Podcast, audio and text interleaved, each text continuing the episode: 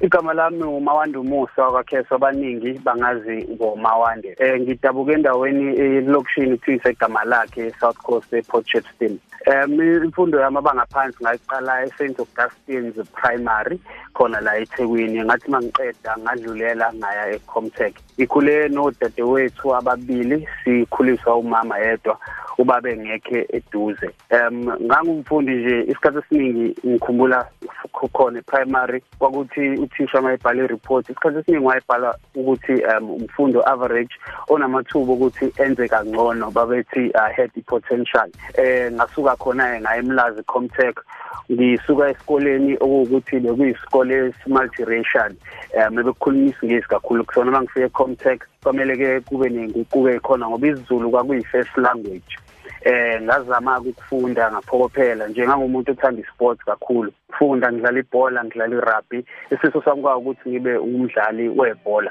Eh ngathi uma ngiphothula izifundo zami eComtech abese ke ngayoqala ukufunda ePET ngenza international marketing management. Um ngathi mangiqala ngawo u2008 o2009 manje ngaqala ngenza izifundo zami khona ezazinzima kodwa ke ngayimisela ngazama impela. Ngaba neshwa ke ngo2010 lokuthi ngiphuce imoto ngihijackwe. Um kwathi makwenzeka leso sigameko mhlawumbe kwakusele inyanga kwakusele amasonto amabili qala ukubhala ama exam ami. Lokho ke kwangiphazamisa ekuthenini um ngingenzi kahle hle. Kwamele ke kube ukuthi ngenza inguquko ethize ngenxa yalokho lapho ngahamba ngaya emangosuthu ngayokwenza i-national diploma in marketing. Um ngenxa yokuthi izifundo engangizenza imali yayingaseyinhle ekhaya ngayoqala khona emangosuthu. Mangifika emangosuthu ngawumuntu nje oyimiselayo ngiphatha ngamalengiso um ngenza izifundo zami khona. Ilanga aqala khona ukuthi ngikwazi ukuthi ngingene nakwezinye izinto ngangenza umculo khona esikoleni um kunomculi engangimqeqesha ngimenzela umculo um esikoleni isikole sibe sisebenzisa ukuthi mhlambe sizonandiswa khona. Umuntu waqala lapho ukufunda ngezebhizinisi. Ngathi uma ngiphothula izifundo zami ze-marketing ngaqala-ke ngenza imisebenzi emncanyana lapho nalapho. Ngaqala ngasebenza ka-FNB kuyi-admin ngathi uma ngiqeda ngawusebenzela inkampani okwakuthiwa umhlothozi um ngiwushofa khona ngishayela abantu ngibayise ey'ndaweni ngiphinde ngibe i-marketing office ngathi uma ngiqeda lapho ngaya kwenye inkampani futhi okwakuthiwa ithiyo ladinare nayo kwakuyinkampani yamathozi uma ngiqeda lapho ngathola ucingo olalungazisa ukuthi ngine-interview ohlelweni okwakuthiwa i-e-tv sunrise egoli. Um ngathi mangithola lezo indaba ngajabula ngaprepare ngahamba. Uma ngifika ngayenza i-interview yami ngabuyela eThekwini. Kwaphela inyanga ezimbalwa ngathola ucingo oluthi ngitholile umsebenzi. Umsebenzi kwakuwukuthi ngiyoba umfundo weyindaba zesiZulu ekseni njalo indaba zayiqala ngo half past 5 ngashiya eThekwini ngo2013 ngayoqala lo msebenzi eGoli. Eh ila ngangena khona ke emkhakheni wezokusakaza na TV ngiproducer ngiphinde ngenza lo hlelo lweyindaba ngasebenza nje ngokuyikhandla ngaqala lapho ukuba nothando lokuthi ngixoxe indaba ngezithombe ungabe ithombe eyimile noma ithombe enyakazayo ivideo ngaqala lapho ngiproducer inhlelo ezahlukahlukene khona lapho. Kwathi ngo 2017 2018 um then ngathola umsebenzi e-EMCA njengokuba intatheli. Kwayila engibuya khona ngize eThekwini. Uma ngibuya eThekwini ngabuya nolwazi oluningi esengilakhile. Um ngaqala lapho ukuthi ngisebenze eThekwini njengentatheli. Ngathi mangiqeda ngothando lwami lokuxoxa indaba ngenza ifilimu nama-documentary. Um ngathi mangikwenza lokho ngiqala-ke ngikusabalalisa ey'nkundleni zokuxhumana abantu bawubona umsebenzi wami engiwenzayo. Kwathi kulo nyaka senza ifilimu eh nabanye abafethu nosise kwakuthiwa i-living proof. Inhloso yale film kwakukuthi sigqugquzele abantu sixoxe indaba enhle ngenxa yokuthi bekuyisikhathi secorona.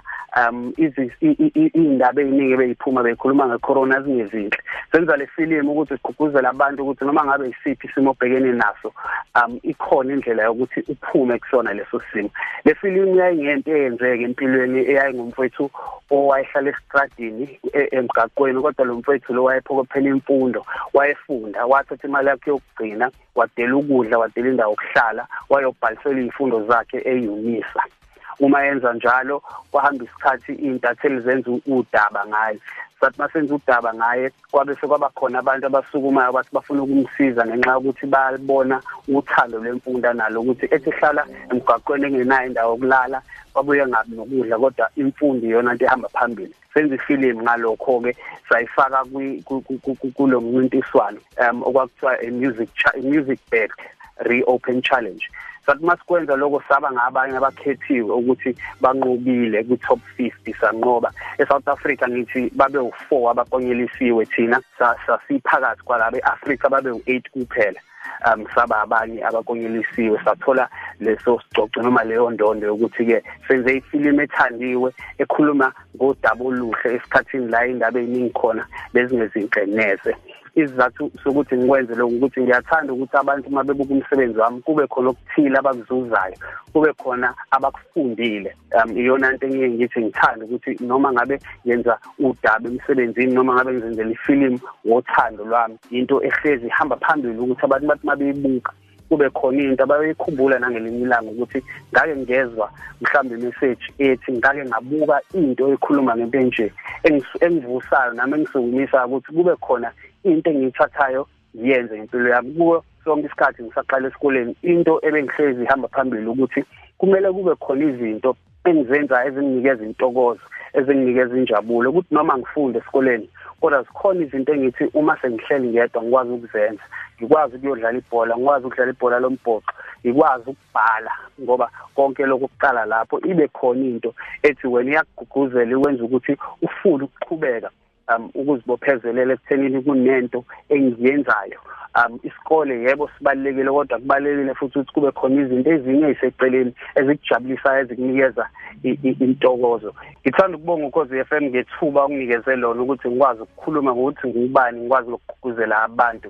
Umyalezo engithanda ukushiya abalaleli nawo ukuthi ulisebenzise ikhono onalo empilweni. Abaningi banamakhono ukuthi bakwazi ukwenza imisebenzi yezandla abanye abantu ukuthi bayizinjula buchopho ngiyathanda ukuthi abantu bakwazi ukuthi balisebenzise ikhono elabaliphiwe abantu bangakwazi ukuxhumana nami einkundleni zokuxhumana uFacebook uTwitter uInstagram umawande kheswa kuzo zonke izinkundla zokuxhumana. Yabonga kakhulu.